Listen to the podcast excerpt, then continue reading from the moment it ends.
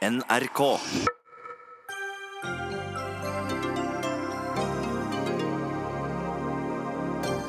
Hvem skal holde sønnen min i hånda når han skriker av smerte, spurte en mor på pleiepenger, Heidi Nordby Lunde, i vandrehallen. Hun påstår høyrepolitikeren svarte at da får noen andre gjøre det. De fortsetter debatten i Dagsnytt 18. Nå skal oljefondet vise andre store fond i verden hvordan de kan bidra til klimavennlige løsninger. Men hvis de lykkes, vil vel hele Norge gå konkurs? Mennesker på flukt til Europa tortureres og mishandles i libyske interneringsleire.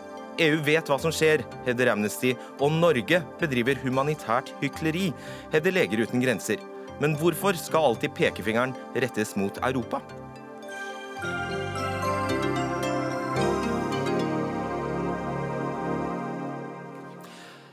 Vel møtt til Dagsnytt 18. Mitt navn er Fredrik Solvang. Forestill deg at barnet ditt er så sykt at dersom du går på jobb, kan det dø. Det handler om de pleietrengende barna og den økonomiske støtten til foreldrene for å kunne være hjemme og passe på dem. Ordningen med pleiepenger gjør det mulig for foreldre å være hjemme for å pleie barn med behov for kontinuerlig tilsyn. Da Stortinget debatterte saken mandag, ble det en sterk konfrontasjon i vandrehallen mellom foreldre til alvorlig syke barn og Høyres stortingsrepresentant Heidi Nordby Lunde. Helle Cecilie Palmer, du er en av initiativtakerne til aksjonsgruppa Endring av pleiepengeordningen nå, og du var til stede. Kan du forklare oss hva som skjedde? Ja, Vi hadde jo sittet på galleriet og, og, fulgt med på debatten eh, i forkant. Eh, og vi ble jo ganske forferda over en del av det som ble sagt der. Eh, særlig reagerte vi da på innlegget til Heidi Nordby Lunde. Og da For, Hvorfor det? Hva sa hun? Eh, hun, hun framstiller det som om at vi har tatt et valg, og at det valget er feil, når vi er hjemme eh, hos våre alvorlig syke barn. Um, og, og, det reagerer vi på, fordi at uh, det er ikke et valg, rett og slett. Det, det var noen som begynte å, å gråte, som satt på galleriet under innlegget hennes, hevdes det. Stemmer det? Det stemmer. Mm. Så kommer, uh, kommer dere altså ut i vandrehallen etter debatten, og hva skjer da? Uh, ja, da sitter vi og snakker sammen, og så, og så kommer Heidi Nordby Lunde forbi. Og da øyner vi muligheten til å konfrontere med det hun sa, og, og stille noen oppfølgingsspørsmål i forlengelse av det hun sa i innlegget sitt. Mm. Hva sier dere da? Da er det to av oss som spør rett ut hva skjer når pleiepengedagene er brukt opp og barnet er svært alvorlig eller livstruende sykt og ligger på sykehuset. Hvem skal være hos barnet da? Mm. Og hva svarte Lunde da? Da svarte hun at det får noen andre gjøre. Og det mener dere er rystende og veldig sårende? Ja. Mm. Får høre med deg, da. Heidi Nordby Lunde, stortingsrepresentant for Høyre. Kjenner du deg igjen i denne beskrivelsen? Nei, hadde jeg svart det, så, så hadde jeg skjønt Eller da skjønner jeg reaksjonen. Og jeg er enig med programlederen når du sier 'forestill deg at du har et alvorlig sykt barn hjemme'. Jeg tror ingen av oss som, som sitter her og som ikke har det, klarer å forestille oss, oss, det. Så jeg kjenner meg ikke helt inn i verken situasjonsbeskrivelsen eller inngangen til, til den samtalen som, som, vi hadde. Og jeg mener det er helt Fortell hvordan den, den forløp for din, i dine Ja, Vi var 101 representanter på Stortinget som voterte den dagen. og Da vi, vi, gikk, så var det 100 som gikk forbi, og jeg stoppet opp og tok en samtale fordi dere også kalte meg, meg over. Og det mener jeg er riktig. Jeg syns det er flott og, og at vi blir konfrontert med både konsekvensene av vår egen politikk, men også uh, politikken. Både for å få anledning til å forklare hva vi egentlig mener, og, at, uh, og eventuelt oppklare eventuelle misforståelser. Men jeg tror i en situasjon, en lignende situasjon en annen gang, så tror jeg kanskje at jeg hadde sagt tusen takk. Jeg tror kanskje vi skal ta denne samtalen litt senere.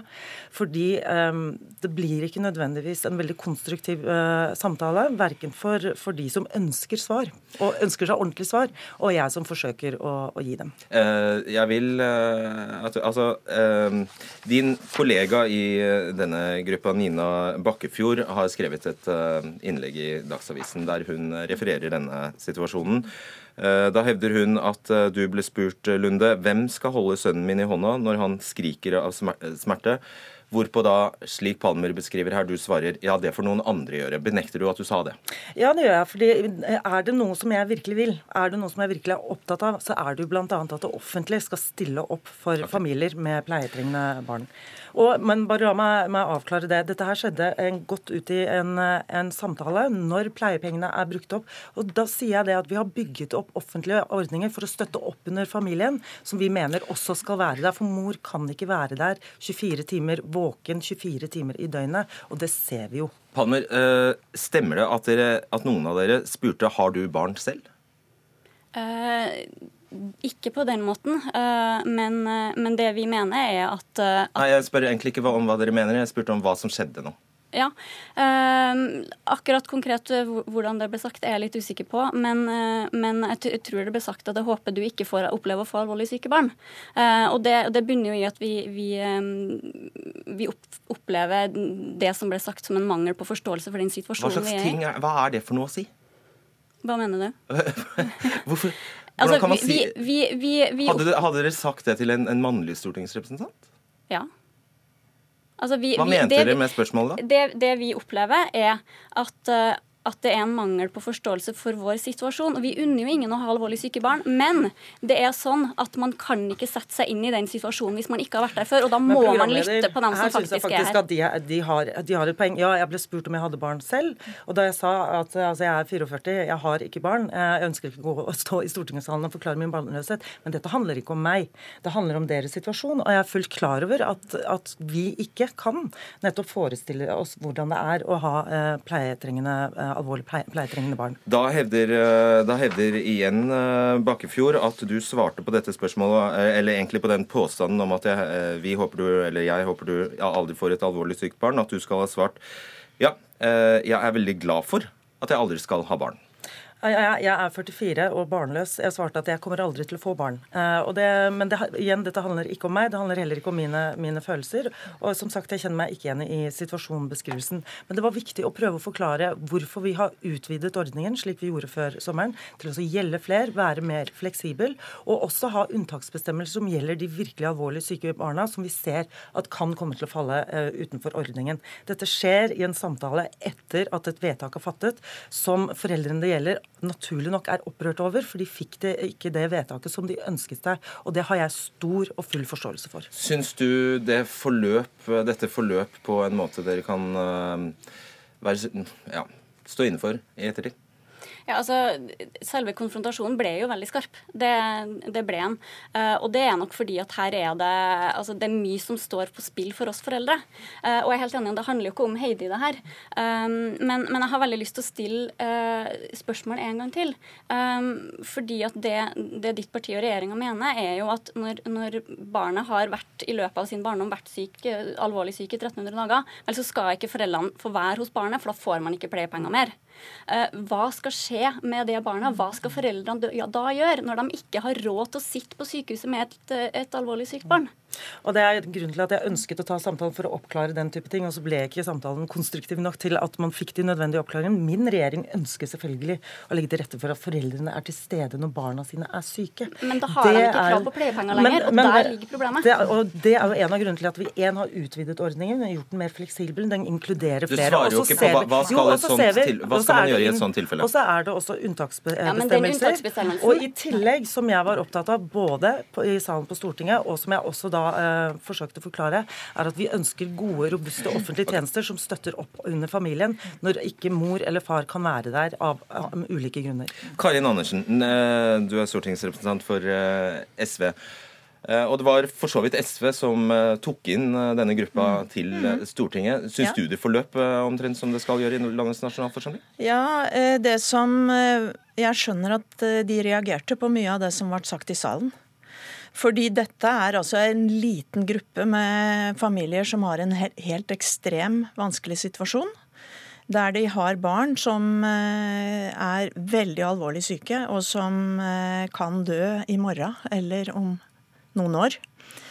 Så det da er det greit å konfrontere Nei, kvinnelige, men, kvinnelige stortingsrepresentanter på denne måten? Fordi ja, hvis du spør, svarer på det jeg spør om. Ja, men det blir sagt inne i stortingssalen, så blir dette brukt som et argument for å eh, la disse foreldrene få være sammen med barna sine når de er i kritisk fase.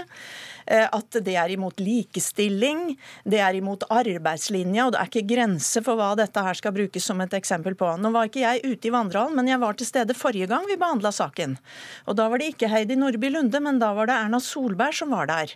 Og det var heller ikke en veldig hyggelig seanse, fordi når eh, disse foreldrene forklarte henne også hvordan det føles, den argumentasjonen som blir brukt, så får man da også til svar at det var eh, veldig ufint sagt. Og Det betyr, altså det som er, jeg tror er viktig her nå, er å si at man, man har ikke skjønt dette. Man har ikke skjønt reglene heller. For nettopp det som blir sagt her nå. Hvis barnet er i en ustabil fase, og du har brukt opp perioden, så får du nå ikke lenger pleiepenger. Det fikk man før. Og da snakker vi om en periode på fem år. Da snakker vi om, Men dette er jo barn som, som kan leve ja, i mange år. Ja, men vi må bare ha fakta klart for oss. Ja, da snakker vi om en periode på fem år. Og da er reglene sånn at da må du ha fått en ny sykdom. Da kan du få være sammen med barnet ditt. Men veldig mange av disse barna har eh, mange sykdommer, og mange av de er kroniske. Og Det betyr at de kan være uh, i gode faser og dårlige faser. Og Før har de da fått lov til å være det. Og da har de også klart å holde kontakt med arbeidslivet. Og det er jo så viktig. Ja. Det er alle enige om. Hva er da alternativet ja. etter fem år? Vel, For det første så er jo det lagt opp til at man har en tidskonto som man, eh, de aller færreste barn er varig ustabil i, i, fem år. Da er det også andre, andre ordninger. Og I tillegg så skal kommunene kommunene har plikt på seg til å stille opp for de familiene som trenger det mest. Da har du mulighet for omsorgslønn på den eh, ene siden, og du skal også ha kommunale tjenester som sørger for at barnet, som, som i samråd med familien og familiens behov, skal stille opp og gi familien eh, den omsorgen de trenger. Det jeg er litt redd for Vent med det, fordi Palmer risser så uh, standhaftig på hodet. Du, jeg tolker det sånn at du, du, mener dette bare ikke stemmer? Ja, det, det stemmer ikke. Altså, uh, Omsorgslønna er jo en, en vits, uh, og den, den trenger vi ikke å, snakke noe mer om. Den er for liten? Den er for vilkårlig, den er for streng, og, og, og det er opp til kommunene. Det er ikke en statlig ytelse. Okay. Men, men, de tilfellene vi snakker om her nå, hvor pleiepengene har utløpt, og barnet er alvorlig eller livstruende syk av en varig sykdom, så ligger man på sykehus. Mm. Uh, og, og, man vet kanskje ikke om barnet vil overleve engang. Uh, da nytter det ikke med omsorgslønn og kommunale ordninger. De er til for de periodene hvor barnet er i en stabil fase. Ta, ta din egen situasjon med en datter som har e, e, epilepsi. Hva, uh, hva, hva innebærer det da? Uh, hun har en epilepsi som har vist seg veldig vanskelig å behandle. Vi har brukt halvannet år på, på å prøve å finne en, en behandling uh, med et, ekstreme bivirkninger for hun. Vi bytter medisiner ofte. Uh, hun har daglige anfall. Hun må jo overvåkes så å si dag og natt. heldigvis så er hun i en tilstand som ikke blir kritisk og livstruende. Ehm, så, så, så, min største drøm er jo at, at, vi skal finne en behandling sånn at hun eh, igjen bare er et sterkt pleietrengende og funksjonshemma barn. Eh, som mm. ikke er i en eh, alvorlig ustabil fase. Hvis jeg har forstått uh, regjeringspartiene rett, og de som uh, altså da um, har fått flertall for uh, egentlig nå å ikke Eller altså nå er vel tilstanden den at man har opphevet femårsgrensen, og så man ikke erstattet den med noe annet fordi man venter, venter på regjeringen skal komme til, med en sak til Stortinget. Uh, og, og, da tenker man at da har man litt tid på seg, fordi det er sånn teoretisk to og et halvt år da i hvert fall. Eh, ni milliarder er det beløpet Frp opererer med her, at dette kan potensielt komme til å koste, fordi ordningen blir så lukrativ hvis du gir 100% lønn i opptil 18 år. Ja, jeg veit ikke hvor de har tatt det tallet fra, men hvis det partiet mener at dette er foreldre som spekulerer i å ha alvorlig syke barn, så må jeg si at det er en uhyrlig påstand. Dette er altså foreldre som har rett til pleiepenger etter godkjenning fra spesialist, og i helt ekstreme tilfeller. Så dette er ikke noe man kan liksom tuske til seg for moro skyld. Og jeg mener at dette er så ekstreme tilfeller, det disse familiene står oppi, at det at samfunnet skal skaffe dem en økonomisk trygghet, mens, de har, eh, mens barna deres eh, trenger dem så ekstremt som det de gjør, mener jeg må være et minimum av det vi stiller opp med. Har du brukt dette tallet 9 milliarder? Eh, det har jeg, og det kan jeg godt forklare, men jeg vil først si at ordet lukrativ tror jeg står for programleders egen, egen regning. Jeg har ikke hørt noen av mine kollegaer heller i Frp bruke det. Jeg tror ingen opplever det lukrativt å ha et pleietrengende, pleietrengende barn. Det er det ene. Det andre er at da man utredet, og har utredet pleiepengeordningen tidligere, for den har blitt opplevd som urettferdig og altfor streng. Det var også en av grunnene til at vi mhm. utvidet den til å gjelde mange flere før sommeren. Det Kaasa-utvalget da opererte med, var ikke eh, med dagens, dagens begrensning på at du kan få inntil fem år med 100% erstatning for lønn. Det de opererte med, var, eh, var 50% for de så aldri for seg at dette skulle bli en permanent ordning, men bare være en midlertidig ordning, slik den alltid har vært for de med, med pleietrengende eh, barn. Og da er det statsfinansene du er bekymret for? Jeg, nei, vet du hva. Det nei, faktisk nei, fordi ikke. Nå refser du meg jo for å ha, ja, antydet at det ble for, altså, men, eh, men, at det ble for, for vi, høy ytelse, da, ja, om du vil, for den har, enkelte. Så da er det vel statsfinansene du er bekymret for? Nei, jeg er egentlig ikke det, ikke, ikke, det, det, ikke det alene. fordi at mange av disse uh, altså Når foreldre yter pleie, så er jo det sånn sett for statsfinansene uh, billigere enn å ha den på institusjon. Nemlig. Så dette her er ikke et sparetiltak. Ja. Okay. Hva er det da? Og, um, men, men, vi ble bedt om å utrede også hvor mye dette ville koste, for det må jo partiene vite før vi vedtar noe. Uh, så, så, derfor har vi brukt de Men Kan du svare på om det er et kostnadsspørsmål eller ikke? Ja, uh, det, er, det vil være også en del av beregningen. Ja, selvfølgelig vil det være det. Fordi at fra 2021 så vil dette være ikke bare for de som har fem år i dag, så vil nye komme inn på ordningen, og så vil du ha da en utvidet ordning hvis... som tar bort fra arbeidslinja, som var også noe Arbeiderpartiet, SV og Senterpartiet konkluderte med da de ikke gjorde noe med ordningen da de satt i regjering. Okay, jeg må bare si at De, de 9 milliardene, eh, det, da snakker vi om en helt annen pleiepengeordning, hvor man slår mm. sammen flere offentlige stønader. Eh, så det tallet kan vi bare se bort ifra. Men det er veldig gjerne vil understreke, fordi at mm. det som kom fram i debatten på Stortinget på mm. mandag, det snakkes som om at vi har tenkt å være hjemme på pleiepenger til barnet 18 år. Det, det, er ekstremt strenge kriterier for å få pleiepenger. Ja. Eh, det, det, er en lege i spesialisthelsetjenesten som må søke. Har, vi vil jobbe. Det er alt vi vil. Det er å kunne mm. gå på jobb. Mm. Vi har ikke lyst til å sitte hjem og motta pleiepenger når vi ikke trenger det. Ti sekunder, Andersen. Ja, nei, Det er nettopp det som er poenget. Og hvis uh, nå vi skal stille opp med et offentlig apparat som skal erstatte disse foreldrene, så ser vi helt andre summer.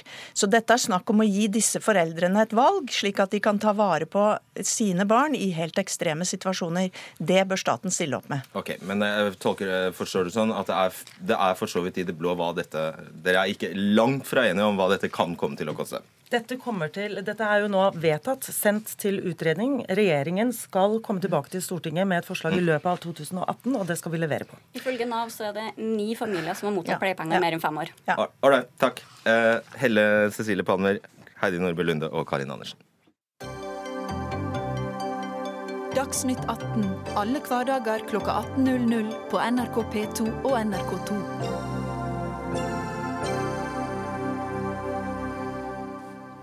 Oljefondet skal nå vise andre store fond i verden hvordan de kan bidra til å fremme klimavennlige investeringer. Det ble kjent under klimatoppmøtet i Paris. Norge skal være med i en internasjonal gruppe som skal lage en slags gullstandard i anførselstegn for store fond. Med andre ord hjelpe investorene til å forstå hvilke selskaper som vil greie seg i framtiden, altså tjene penger i en omstilt og grønn verden. Jeg vet jeg kommer til å bli irettesatt på, og korrigert på dette, Yngve Slyngstad, leder i oljefondet. Men hvis du bare går med på denne populariseringen, eh, hva skal en sånn, eh, et, et lite øyeblikk, hva skal en sånn gullstandard bestå av? La meg først si at uh, oljefondet er jo et fond for fremtidige generasjoner. Det betyr at vi må tenke langsiktig i måten vi forvalter pengene på. Og vår hovedoppgave er å beskytte denne formuen for de som kommer etter oss. Eh, og da må vi tenke risiko. Hvis vi tenker på langsiktig risiko, så er åpenbart eh, klimarisikoen en av de tingene vi faktisk må se på. Hva betyr klimarisiko for noe? Det betyr til syvende og sist at vi er nødt til å gå gjennom to ting eh, med hensyn til hvordan vi ser på fondet. Det ene er at det blir en energiovergang fra mye olje, kull og gass til andre energikilder. Og det vil jo påvirke veldig mange av våre investeringer. Og I tillegg til det så kan det være konsekvenser av global oppvarming som vil påvirke hvordan de andre tingene vi investerer i, også kommer til å gjøre det. Vi er jo investert i praksis i 9000 selskaper, dvs. Si alle de største selskapene i verden. Og nesten alle av de kan komme til å bli påvirket på en eller annen måte av disse utfordringene. Ja, og Da kan vi snakke om alt fra at de blir direkte rammet av storm, til at de kan bli saksøkt av eller annen, et eller annet selskap. En kommune kan bli saksøkt fra et uh, forsikringsselskap fordi de ikke har sørget for å få vekk overvannet f.eks. Ja, og det vil komme reguleringer, kanskje karbonskatter. Det kan komme eh, begrensninger på forretningsmodeller. Eh, på vis alle bedrifter kan bli påvirket på en eller annen måte av dette. Nettopp. For at en sånn gullstandard da skal ha noe for seg, så eh, er vel egentlig hele greia her at disse fondene må trekke penger ut av det som da blir klimafiendtlige selskaper?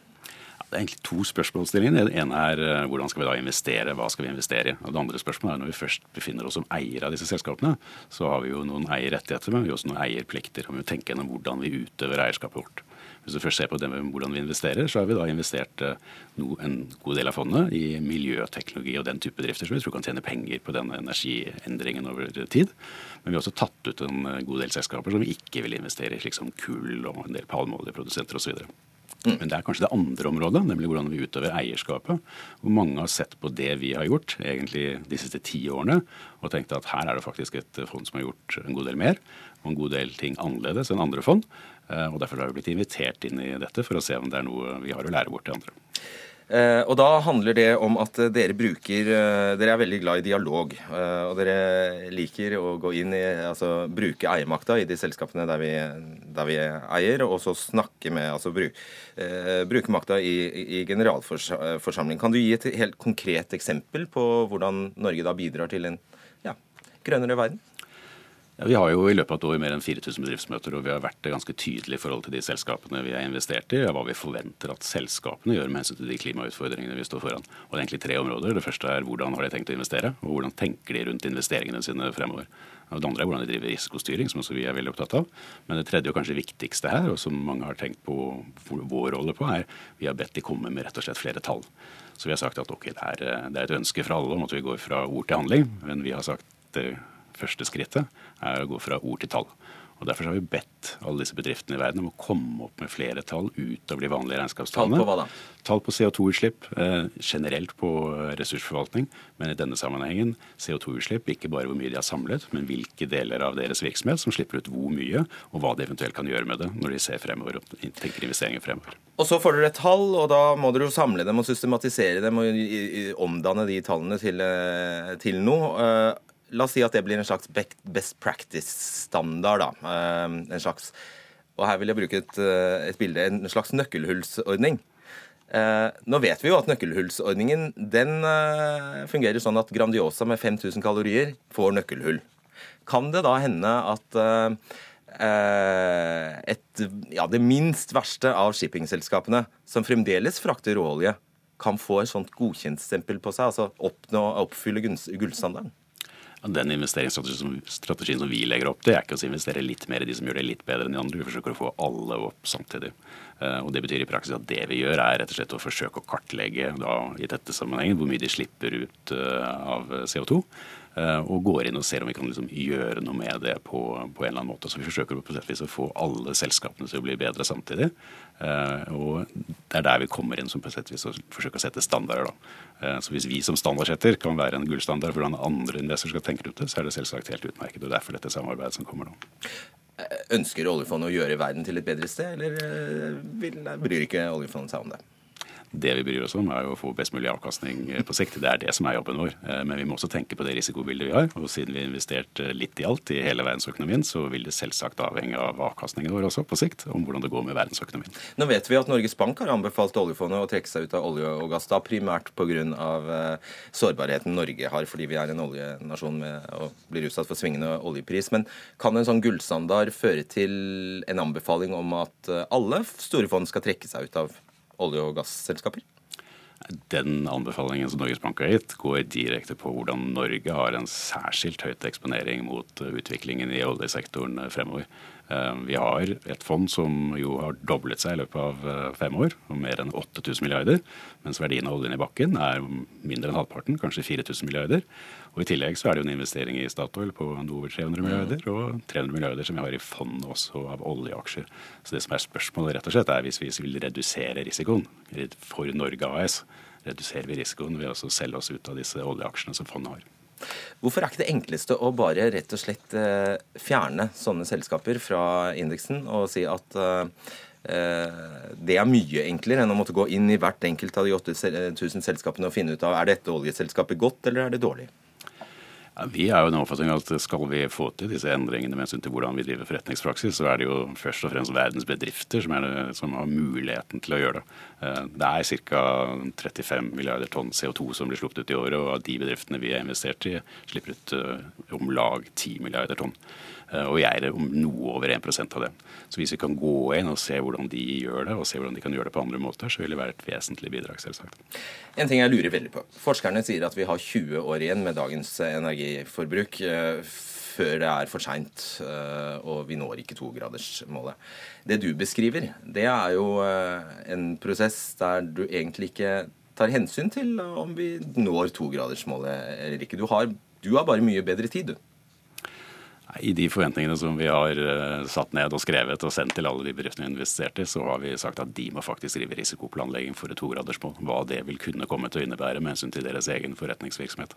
Så vi ber de ta den problemstillingen innover seg, og sier at vi som eier i selskapene faktisk vil ha en ganske god svar fra dem om hvordan de egentlig tenker rundt det. Ja, Men så sier du samtidig nei, eh, nei på spørsmålet om det er aktuelt. La oss si et, eh, et, rederi, da du sier nei, nei, til å kategorisk trekke seg ut av det selskapet hvis eh, det ikke når togradersmålet. Ja, Vi har ikke som hovedstrategi å drive og selge oss ut av selskapene. Vår hovedstrategi er å få dem til å agere på en bedre måte. Og Det gjelder jo også i utgangspunktet oljeselskap. Oljeselskapene er klar over at det kommer et energiskift. og Oljeselskap som Statoil i Norge er jo langt fremme på alternativ energi og ser på ting som karbonfangst. Eh, og Det betyr jo at det kan tenkes at til og med oljeselskap kan være like mye en del av løsningen som en del av problemet. Ja, ser man det, ikke sant. Du, Siste, siste spørsmål her. Um, når oljefondet og andre store fond etter hvert selger uh, olje- og gassaksjer, så må de pengene plasseres et annet sted. La oss si da at de går inn i finans- og bank, bankaksjer. Det, er jo, det, det igjen er jo også en risiko. Eh, bank- og finansaksjer, da, eh, hvis eh, de krakker, så kan jo det føre til høyere arbeidsledighet. Og der har du en annen samfunnsrisiko, rett og slett. Hvorfor, bare, hvorfor ta tak i én av risikoene, nemlig klimarisikoen, og ikke se på de andre? Vi forsøker også å se på ja, det skjønte jeg du ville si, Men hvorfor ikke begynne f.eks. med humankapital? da? Ja, men, men, det gjør vi. Altså, vi. En av våre satsingsområder har jo vært eh, barnearbeid også. Det har vi sett på lenge. Det er, eh, klima er ikke det eneste tingen vi, vi holder på med. Eh, og Der går vi inn og ser på det. Og tenker gjennom hvordan man skal gjøre det. Men vi må se på det samlede risikobildet. Og også hensyn til banker så går vi inn og tenker og har faktisk skrevet brev til de 51 største bankene i verden og spurt hvordan har de egentlig tenkt å gjennom lånepraksisen sin. For det er jo faktisk mer enn fem billioner dollar som eh, disse oljeselskapene har eh, lånt opp. Og hele det energikomplekset vil jo sannsynligvis måtte få gå gjennom mye endringer. Og hvordan tenker egentlig bankene på det også. Mm. Fascinerende. Tusen takk skal du ha, Yngve Slugstad. Ja, takk skal du ha. Vi skal holde oss ved temaet, fordi alle aller færreste syns vel det er feil at eh, Norge skal bidra til at eh, de største fondene i verden blir bedre til å ta klimarisiko. Men hva om Norge var et børsnotert selskap? Ville da vårt eget oljefond ha investert i Norge? Lars Henrik Pårup Mikkelsen, du er daglig leder ved Klimastiftelsen og er med oss fra Bergen. Hva tror du, hvis Norge var et selskap, ville Yngve, Yngve Slyngstad da sett Norge som et attraktivt investeringsmål, eller ville, ville det vært for risikabelt? Han svarte egentlig ganske godt for seg sjøl eh, nå i intervjuet. Jeg tror først ville man sett at Norge de sa veldig mye bra, gjorde veldig masse bra eh, internasjonalt. Men når det kom til økonomien til Norge, så tror jeg man ville sett at eh, man var litt for tett bundet til framtidsutviklingen i olje- og gassmarkedet. At risikoen da vil være for stor å gå inn og investere. Kanskje ville man tenkt at det er bedre å sette pengene sine i, i Sverige eller i Danmark. Men blir det ikke da på en måte dobbeltmoralsk eller paradoksalt at vi skal ut i verden og potensielt ta livet av nøyaktig de samme selskapene som vi eier selv, som Statoil? Altså, jeg jeg syns dette initiativet er veldig bra. fordi at Det å få tall og det å kunne lettere kunne sjalte ut de dårlige selskapene for det gode, og få selskap til å eh, oppføre seg bedre, det, det er grunnleggende positivt. Men det er klart at dette initiativet sammen med veldig mange andre klimainitiativ, det viser jo det spennet som norsk klima politikk befinner seg i. Altså Ute så er vi best i klassen, vi er med på de mest spenstige initiativene. Og legger til grunn for at man skal nå klimamålene. Mens nasjonalt så er det jo snart tvert imot at man har veldig ekspansiv olje- og gasspolitikk som egentlig kun kan lykkes om klimapolitikken som vi fører internasjonalt, mislykkes. Og det er, det er et paradoks. Ja, Det er et ganske stort eh, paradoks. og Det er jo heller ingen politikere ingen politikere i Norge som lefler med tanken om å selge Statoil, f.eks. Nei, men hvis du tar eh, det som Slyngstad helt rett sier, sant, at uh, ser du på summen uh, på hvordan Norge er eksponert mot olje og gass, så er det jo den som er interessant. Og Velger man da f.eks. å si at oljefondet fortsatt skal investere i olje- og gasselskap, så må man gå da på de neste områdene hvor Norge er eksponert. og Da er jo spørsmålet ok, skal man da selge seg ut av Statoil f.eks. Sier man nei til det òg, ja, så, så, må man gå på kanskje på direkteinvesteringer som Norge gjør gjennom uh, Petoro. Så, så poenget at man kan ikke si nei til alt. Noe må man si ja til hvis målet er å redusere eksponeringen. Siden av Parisavtalen så er det vel satt i gang tre konsesjonsrunder på sokkelen. Vi pumper så remmer og tøy kan eh, holde nå. Hvis denne gullstandarden som eh, Slyngstad snakker om, eller som han eh, vil innføre, faktisk blir skikkelig effektiv, da har vel staten skutt seg skikkelig i foten? Dette blir å dra det veldig langt, da, men det er klart at målet med sånne finansinitiativ det er jo selvfølgelig å få heve standarden og i det lengre løp få økt fart for en omstilling som ikke bare skal føre til et energiskifte, men man skal jo føre til en avkarbonisering. Man skal jo kvitte seg med bruken av fossil energi. Eh, så det er klart at eh, Trekker du litt langt, så kan man si at lykkes dette initiativet eh, og tilsvarende initiativ, du får økt fart på omstillingen, så er norsk økonomi trua fordi at vår eksponering er så tung mot det fossile. Da er vi ille ute hvis klimapolitikken virkelig lykkes. Det er helt riktig. Takk skal du ha, Lars Henrik Pårup Mikkelsen.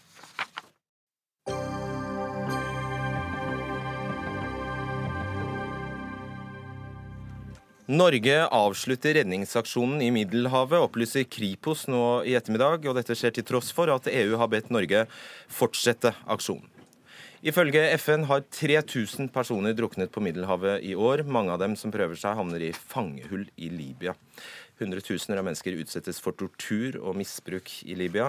Amnesty publiserte i går en rapport som fastslår at EU og europeiske land ikke bare er klar over overgrepene som skjer mot migrantene i landet, de, også, de har også aktivt støttet libyske myndigheter i å stanse migrasjonsforsøk over Middelhavet for å holde folk tilbake.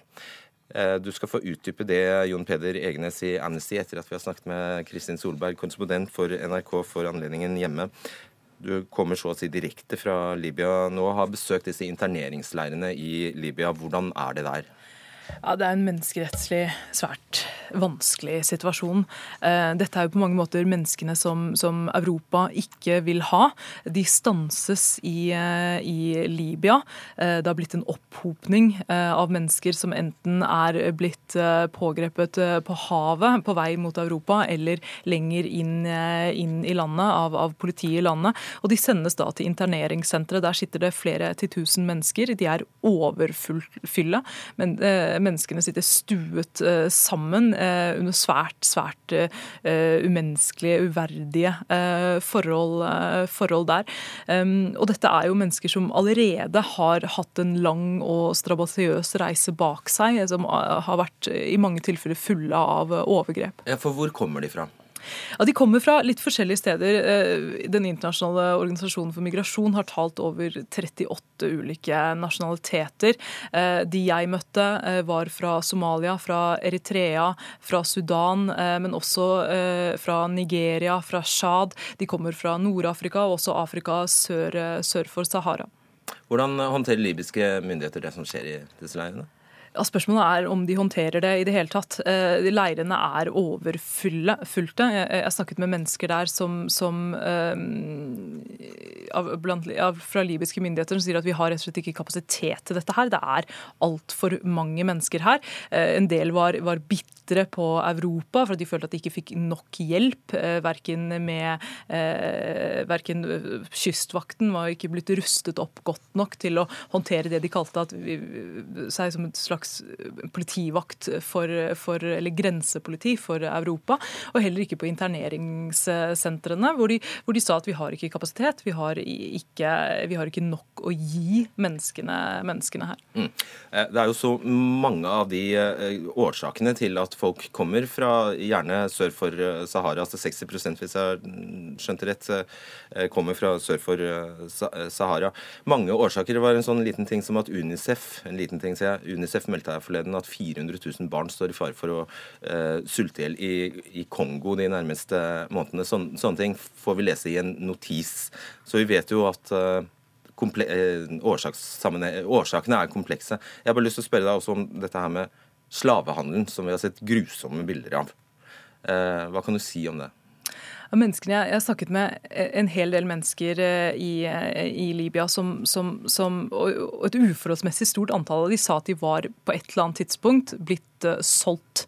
Eh, de sa de hadde Gjerne så hadde de betalt en menneskehandel for, for reisen til, til, Libyas kyst, og et eller annet sted på veien så var de blitt solgt videre til en annen gruppe enten menneskehandler eller militser. De var blitt frarøvet sin frihet eh, der og blitt tvunget til å betale et nytt beløp, gjerne større enn det første beløpet, og holdt fanget og ofte torturert. Eh, jeg så mennesker som hadde eh, arr på ryggen etter å ha blitt, blitt brent med et, et brennende jern.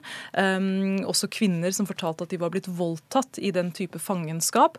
Og, og så hadde de da måttet ringe hjem til familiene sine, som ofte hadde allerede tatt opp store lån for å, for å få, for råd til den turen i utgangspunktet. Uh, og, og, så måtte de på et eller annet vis hoste opp, eh, gjerne da ta opp nye lån, tigge familiemedlemmer om penger, eh, gå ut på gaten og tigge, for å kjøpe fri familiemedlemmene sine. Og I noen tilfeller så endte de da med å bli solgt nok en gang, eller så ble de da på et eller annet tidspunkt arrestert og sendt til disse interneringssentrene. Og På interneringssentrene så har de i, praksis to valg. Det ene er å skrive under på at de frivillig returnerer til hjemlandet sitt, slik en del gjør, de, i hvert fall hvis de kommer fra fredelige hjemland. Eh, og det andre alternativet er å måtte bli værende der. Og mange av dem jeg snakker med som kommer fra land som Somalia og Eritrea, i praksis så blir de værende der to veldig lenge. Nettopp. Jon Peder Egenes, generalsekretær i Amnesty International Norge. Vi skal straks komme til dette her med ansvarsfordeling og årsaken til at dette skjer, men først om Frontex, altså, som, som, har, som er EUs grensekontrollorgan, som har bedt Norge om å fortsette Triton-oppdraget i, i Middelhavet. Men så har vi altså eh, sagt nå at Olympic Commander skal hjem. Ja, Vi er uh, veldig kritiske til det. Uh, det er et stort behov for at, uh, at, søk og redning fortsetter i Middelhavet. Selv om antallet krysninger har gått ned, så har 3000 mennesker dødd i Middelhavet i 2017 også. Flesteparten kanskje den første halvdelen, men allikevel dette fortsetter.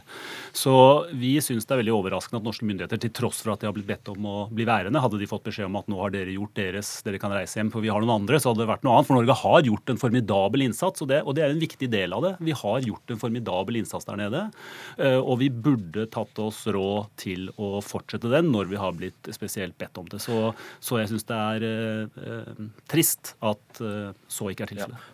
Og da skal, bare, da skal, du få svare på hvorfor vi gjør dette. Jens Frølich Holte, statssekretær i Utenriksdepartementet eh, fra Høyre. Først må jeg si at eh, De historiene vi hører fra Libya, er veldig alvorlige. og Det er en bekymring som også regjeringen har for den, eh, det arbeidet som vi gjør i og rundt Middelhavet. Når det gjelder Frontex, så er det jo praksis i internasjonale operasjoner som det at man rullerer på jobbene. Eh, nå har vi hatt et veldig veldig tungt bidrag inne der i flere, i flere år. Som er naturlig at vi avslutter. Vi gjør det samme med Hercules e i Mali. EU ber oss om å bli. Ja, vi har gjort det samme med piratbekjempelse ved kysten av Somalia. Det er normalt at man rullerer. Um, og så I tillegg så ønsker vi å um, innrette innsatsen nå på en på en annen måte. Vi ser liksom på andre måter å, å støtte Frontex på. I tillegg så har vi støtte til EUs Trust Fund. Eh, er det noen andre som overtar? Ja. Ja, Vi vil fortsette inn i neste år og se på bidrag til Frontex. Eh, klart Frontex Nei, Er, er det noen andre som overtar for Olympic Commander? Det er Ingen overtar vårt, uh, vår rolle inn i Frontex. så Vi kommer til å bidra til Frontex. Så det blir ingen båt der? Men det blir et bidrag til Frontex. Det blir ingen båt der. Bidraget vårt til Frontex er en, en veldig, veldig viktig del av vår ja, politikk for Middelhavet. Det kan ta, anta mange former. Ikke en båt? Det er veldig mange ulike former støtten nå til Frontex kan gis på. Fører dette og, til at man fjerner en båt? Ja, nå eh, går Olympic Commander tilbake, det er riktig. Ja, men også, er det en båt som erstatter den, da?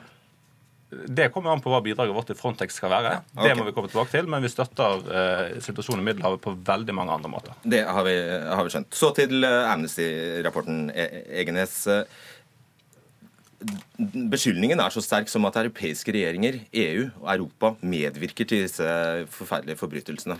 Ja, eh, og det, for det første vil jeg si at denne beskrivelsen Solberg gir, er helt identisk nesten med vår, bortsett fra på ett område, og det er at det er også tilsynelatende et ganske gjennomført system hvor de som er internert, kan kjøpe seg fri gjennom å bestikke vaktene. Sånn at vi har eksempler på at vaktene har torturert eh, internerte mens de tvang dem til å ringe familien hjem mens de ble torturert, for at familien skulle bli skal vi si, motivert til å sende penger. Um, og uh, Når vi sier at EU er mer skyld i dette, så er det fordi de både støtter dette direktoratet mot, som, for bekjempelse av ulovlig immigrasjon, som leder disse leirene, eller de 33 av dem som er offisielle. Okay. Eh, samtidig som de, og de støtter med penger og de støtter med opplæring. Og de støtter med penger og opplæring Kystvakten, som reiser ut og henter folk og tar dem tilbake og plasserer dem i disse leirene. I tillegg til at Kystvakten etter hvert blir mer og mer beryktet for også å ha et samspill med menneskesmuglerne, sånn at enkelte båter slipper igjennom fordi Kystvakten har fått betalt av smuglerne for å la dem, la dem dra. Og hva tror du hadde skjedd hvis eh, europeiske regjeringer ikke betalte? Uh, ja, altså Poenget her er at uh, europeiske regjeringer har flyttet hadde grensen det, Hadde det bedre til forverret forverre ja, situasjonen? Det hadde i hvert fall ikke uh, forverret situasjonen. fordi at da hadde muligheten til å komme seg over havet vært der. Sånn som det er nå, så stopper de i Libya og blir plassert i disse leirene. Jo, men Du spurte meg hva ville skjedd hvis man ikke betalte. Jo, da ville man ikke ja. hatt en avtale, og da ville man kunne flykte videre. Det viktigste og det beste, som hadde vært bedre enn at de måtte sette seg i dårlige båter over Middelhavet, det er jo at Europa hadde gjort det mulig å komme lovlig til Europa forskjellige vis. Slik at de slapp den situasjonen vi står i nå, hvor mennesker nærmest kan velge mellom å legge ut på en av verdens farligste reiser, eller sitte igjen i Libya og bli mishandla. Karine Nordstrand, du er lege og styreleder i Leger uten grenser. Nå retter Amnestys kritikk seg mot europeiske eller EUs regjeringer og EU. Dere mener Norge bedriver humanitært hykleri i denne forbindelsen. Hvordan belegger du det? Ja, jeg kan jo også åpne med å si at eh, vi også kjenner oss godt igjen i beskrivelsene til Solberg og Egenes her fra forholdene i Libya. Leger uten grenser har jobbet i Libya siden 2011, og siste året jobbet i flere av disse interneringssentrene hvor vi ser disse forferdelige humanitære forholdene som beskrives. Eh, når det gjelder det humanitære hykleriet, så består jo det da i at norske myndigheter som vi hører her, fordømmer forholdene i Libya, samtidig som de er med på å sørge for at disse forholdene opprettholdes, og sørge for at flyktningene returneres til de forholdene de kritiserer. Så enkelt, men så alvorlig. Ja, altså, er det noe helt konkret vi finansierer som ja, bidrar til det? Vi er jo både med eh, i Schengen, som gjør at vi har outsourcet eh, grensepolitikken vår til libyske kystvakten. Vi støtter EUs migrasjonsfond med penger eh, og moralsk støtte, som da bidrar til opplæring av den libyske kystvakten for å sikre at flyktningene og migrantene på Middelhavet returneres til Libya istedenfor å komme til Europa. Ja. Igjen, Holte. Norge ved å finansiere du hører du nikker til beskrivelsen, men eh, vi finansierer faktisk det som tilrettelegger for det. Ja, jeg er ikke helt uh, enig i beskrivelsen av dette som humanitært hykleri. Tvert imot så gjør Norge veldig veldig mye både mot sårbare stater i Nord-Afrika og i Midtøsten. Og Hva vil du kalle det? Det?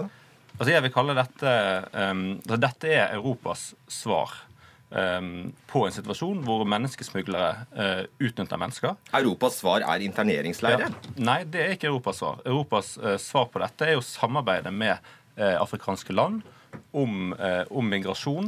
Um, det man prøver å gjøre her, er jo ikke bare å sørge for et mottaksapparat i, i Libya, men man er også åpen for å se på regulær og lovlig migrasjon på litt lengre sikt.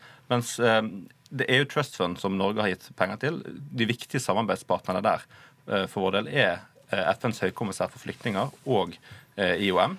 Og, og, for å si det sånn, De organisasjonene har et veldig godt renommé, og vi samarbeider godt med dem. Og vi pusher på både for at EU skal ta disse hensynene sånn, med menneskerettigheter og, og forholdene i leirene med seg i arbeidet med fondet sitt. Ja.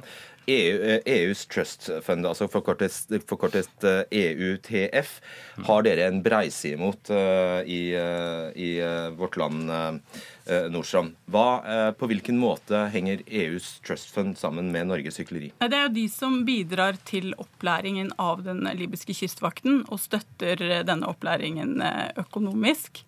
EUs migrasjonsfond. Og Det muliggjør da at den libyske kystvakten kan stanse disse migrantene når de kommer ut på havet, og returnere dem til akkurat de samme forholdene som, som vi kritiserer, og som dere også til kritiserer, til leirene. Og det er jo ikke noe sånn klart skille her mellom hva som er kystvakt, hva som er militsgrupper, hva som er menneskesmuglere. Å tro at man kan bli kvitt en sånn kriminell økonomi ved å sprøyte penger inn i den, det er jo helt galskap. Da er vi jo direkte medskyldige. Nei, men vi må forholde oss til, eh, til verden slik den er, og ikke verden slik vi skulle ønske Du kan forholde deg til det hun sier. Ja, um, og det er at um, for det første så har EU sitt trust fund de har regler for hvordan de skal bruke pengene, og inkluderer FNs høykommissær for flyktninger og IOM i, arbeidet sitt. De tar veldig på alvor disse beskyldningene. Og så må vi også skille litt på hva som er EU e Trust Fund sitt arbeid, hva som er andre europeiske regjeringer sitt eh, arbeid. For europeiske, andre europeiske land gjør jo ting eh, litt på egen hånd eh, i, i, Libya, sånn som Italia. Og eh, um, i tillegg så er det jo et, et spørsmål med hvilke, hvilke, leirer som FNs høykommissær flyktninger faktisk får tilgang til. Det finnes mange leirer i Libya. Nå kjenner vi til 42. Uh, og det er 35 som FNs høykommissær har tilgang til. Så det bildet er veldig oversiktlig. For, uh, jeg synes det var, et, uh, var, bra å si at vi må forholde oss til verden som den er. Og verden som den er i Libya akkurat nå, er at tusenvis av mennesker blir internert på ubestemt tid. De blir torturert og mishandlet, og de blir det som et ledd i en politikk som EU og også Norge er med på. Og da kan man ikke ønske seg at det skulle være mer OK i de leirene. Da må man rett og slett gjøre noe med det. Da må man gripe inn. Da har man den pengemakten og den politiske makten som EU har i forhold til riktignok en stat som er så godt som ikke fungerende, men i hvert fall den delen av staten som fungerer, og si dette kan ikke vi være med på lenger. Hva skal man gjøre da? Gå inn og renovere? Hva skal man gjøre? Nei, Man kan f.eks. sørge for at UNHCR får ordentlig tilgang i Libya, noe de ikke får, fordi Libya har en veldig merkelig forhold til eh, hvilke mennesker fra hvilke stater som får lov til å snakke med UNHCR osv. Kanskje fordi det er kaos der? Ja, men, men kaos, Den delen av kaoset kan man faktisk gjøre noe med.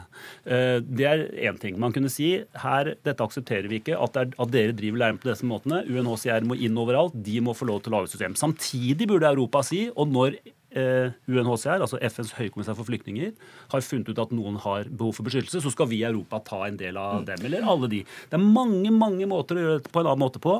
Sånn som man gjør det nå, det er å si her er noen penger, vi skal trene dere litt, og så lukke øynene for det som Hvilke faktisk skjer. Hvilke helt konkrete initiativer har den norske regjeringen tatt for at UNHCR skal få innsyn i leirene? Ja, poenget er at eh, altså, vi, vi, lukker ikke øynene og trekker oss ikke tilbake og bare gir penger. Altså, Norge deltar i eh, da EUTF sitt styre og er eh, med på å kunne påvirke tildelingen av penger. Og da har jo vi eh, tatt til orde for eh, støtte til UNHCR og IOM eh, sitt arbeid. Så hvilke helt, nettopp Du hørte hva jeg spurte om? Nettopp, ja, nemlig. Vi har i, i arbeidet med EUTF så har vi pushet på for at IOM og UNHCR skal kunne få midler til å gjøre arbeidet sitt med å få tilgang til de leirene.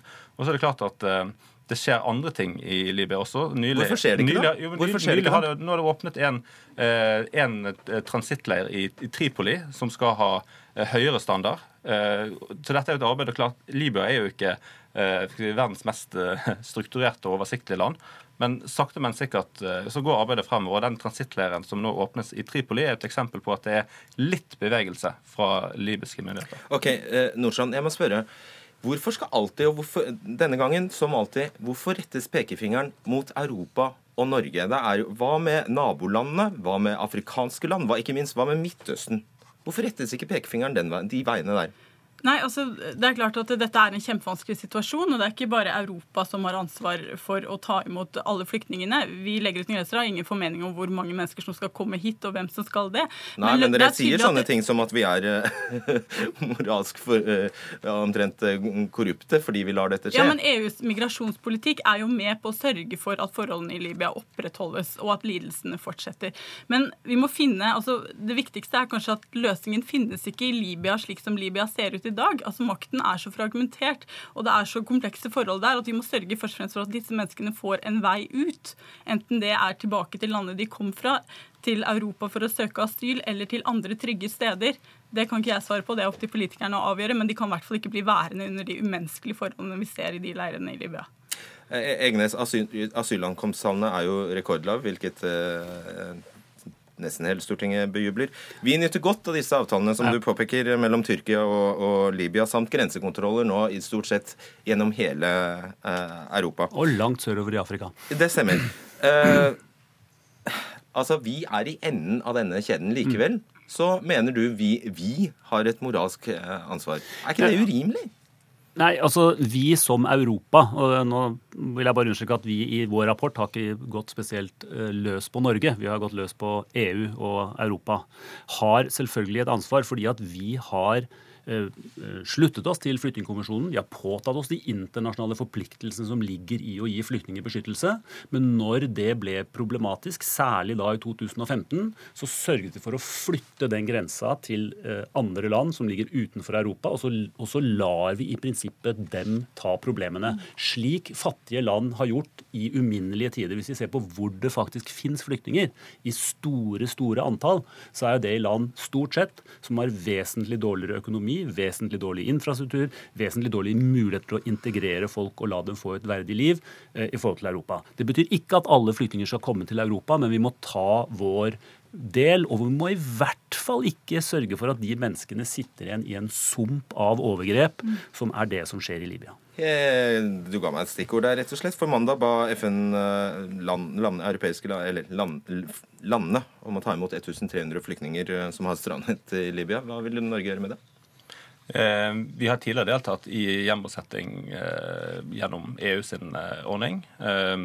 Vi ser på muligheter. Men jeg må bare få komme tilbake til denne beskyldningen om humanitært Var det et ja eller nei, eller hva var det? Det må vi komme tilbake til. Det må vi komme tilbake til. Men altså, vi er veldig opptatt av at europeisk migrasjons- og asylpolitikk skal være ordnet. At det er, at det, er, si, at det ikke er situasjoner som kommer ut av kontroll i Middelhavet. og Samarbeidet vårt med EU er jo også Schengen. Eh, det er en, en norsk grense. Vi er med i Frontex, eh, bidrar der, kommer til å bidra. Men EU eh, e sine løsninger de er litt mer på lang sikt også. For at EU Trust Fund handler ikke bare om akkurat situasjonen i Libya. Det handler om å gi sysselsetting Men det er den vi diskuterer nå, egentlig. altså Den prekære situasjonen ja. for de som er ja. i disse leirene. er det ja, egentlig den, den, det som er tema for den debatten. Den blir jo prekær for det, det ligger noe bak. Og det er lev ja. levekår i Afrika. ja. Ja, levekår i Afrika. Mm. Ja. Nordstrand, veldig kort. Ja, nei, altså Jeg skjønner ikke den, eh, at ikke du forstår det med hykleri. Altså, Syns ikke du det er hyklersk å fordømme forholdene i Libya samtidig som man er med på å sprøyte penger inn i systemet som opprettholder de forholdene? Ja, men jeg, jeg syns ikke jeg, Bare si nei. Jeg, ikke, nei, jeg syns Høykommissær for flyktninger eh, ikke et korrupt system. Eh, heller ikke i OM. Du ga han et litt for stort, eh, litt for stort spørsmål på, på, tampen der. Beklager. Takk skal dere ha. Kristin Solberg, Jon Peder Egenes, Jens Frølich Holte og, Kristin, eh, og Karine Nordstrand. Hør Dagsnytt 18 når du vil. Radio NRK Radio.nrk.no.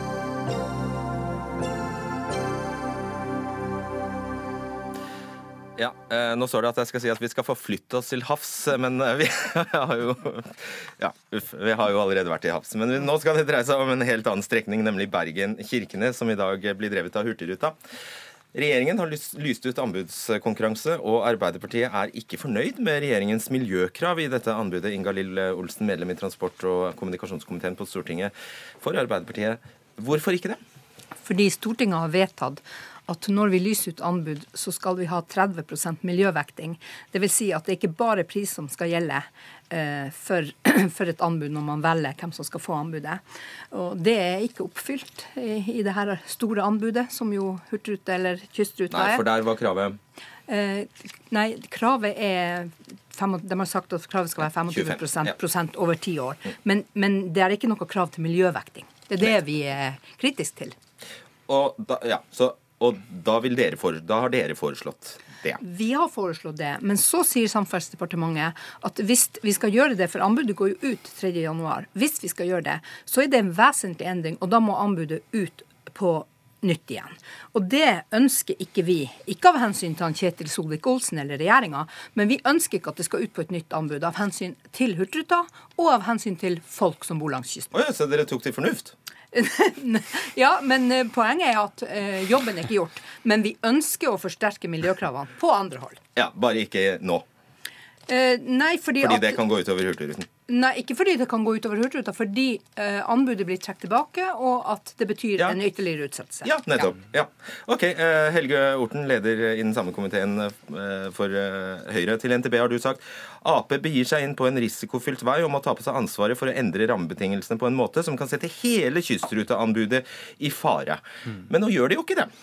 Nei, og det er for så vidt positivt eh, at de tar til fornuften. fordi eh, Hvis det er sånn at det nå ikke fremmer forslag om nye miljøkrav i eh, dette anbudet, så tror jeg det vil være bra, fordi da sikrer vi kystruteanbudet fremover. Ja, Så til helvete med miljøet, da? Nei, men altså det som er realiteten, er jo at, at i dette kystruteanbudet, for første gang i, i, i kystrutens historie, så er det satt miljøkrav.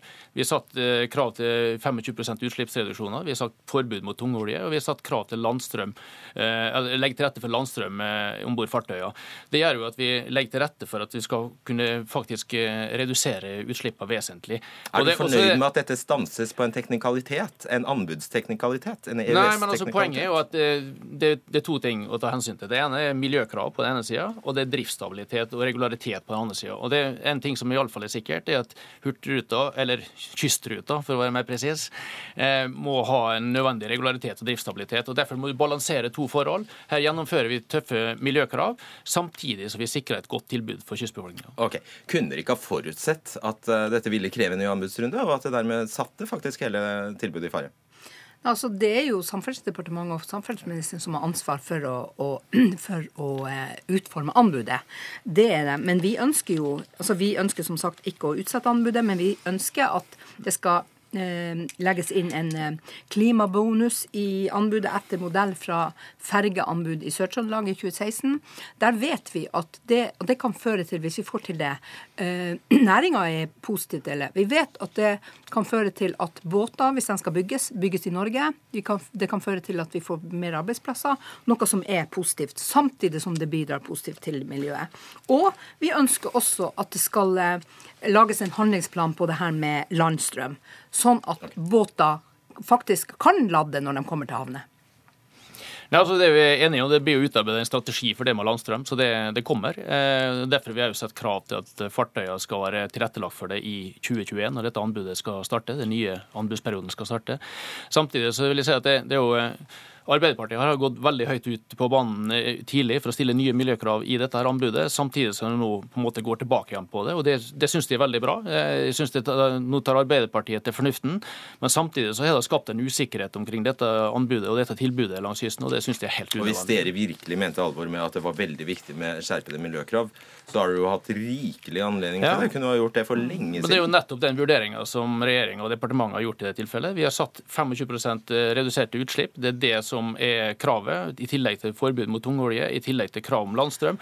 Og Det er det vi, dit vi kan komme i dag. Altså, det er basert på den teknologien som er kjent per i dag. og Det tror jeg er viktig hvis vi skal ha nødvendig driftsstabilitet i dette tilbudet. Vi hadde jo Men... Eh, denne debatten for noen eh, ikke så veldig lenge siden i dette studioet. Da sa man at 25 eh, det opp, oppfyller nesten den vanligste dieseldrevne ferja i dag. Det var det ikke riktig, da. Men, men, ja. Ja. Men, men det som er tilfellet i det her, er jo at Kjetil Solvik-Olsen har satt seg over Stortinget. For Stortinget har vedtatt at i alle anbud så skal det være 30 miljøvekting. Og det tenker jeg det er et ansvar å bære. Og så får vi andre være fornuftige, sånn at vi faktisk kan greie å få det her til uten at det går utover befolkninga og de, her, de selskapene som skal levere på anbudet.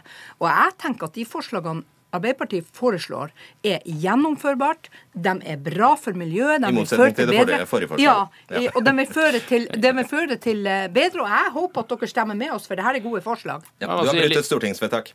Altså, jeg er litt usikker på hva det egentlig er igjen av forslaget fra Arbeiderpartiet, for det greier jeg ikke å få tak på. Eh, altså, uansett, eh, Hvis du nå skal gjøre endringer i anbudet, så vil det alle vesentlige endringer tilsi at uh, du må avlyse den anbudsprosessen som vi er inne i. Det skaper en masse usikkerhet. Det skaper en masse usikkerhet med hensyn på om vi vil kunne starte i 2021. Okay. Det skaper usikkerhet med helse på hele kystrutetilbudet. Bare avklar det. Skal det inn i anbudet, disse nye kravene? Nei, Klimabonus trenger ikke å være okay. en vesentlig endring. Jo, det... Så det er fullt mulig. Så det kan dere være med på. Ja, men det er etter, etter, vår vurdering, så Hvis du skal ha en bonusordning som virker, så vil den være vesentlig, og ergo så vil det bety noe for anbudsprosessen. Vondt og vanskelig. Det går ikke. Takk skal dere, skal dere ha. Dag Dørum, Erik Sandbråten og Fredrik eh, Solvang takker for seg.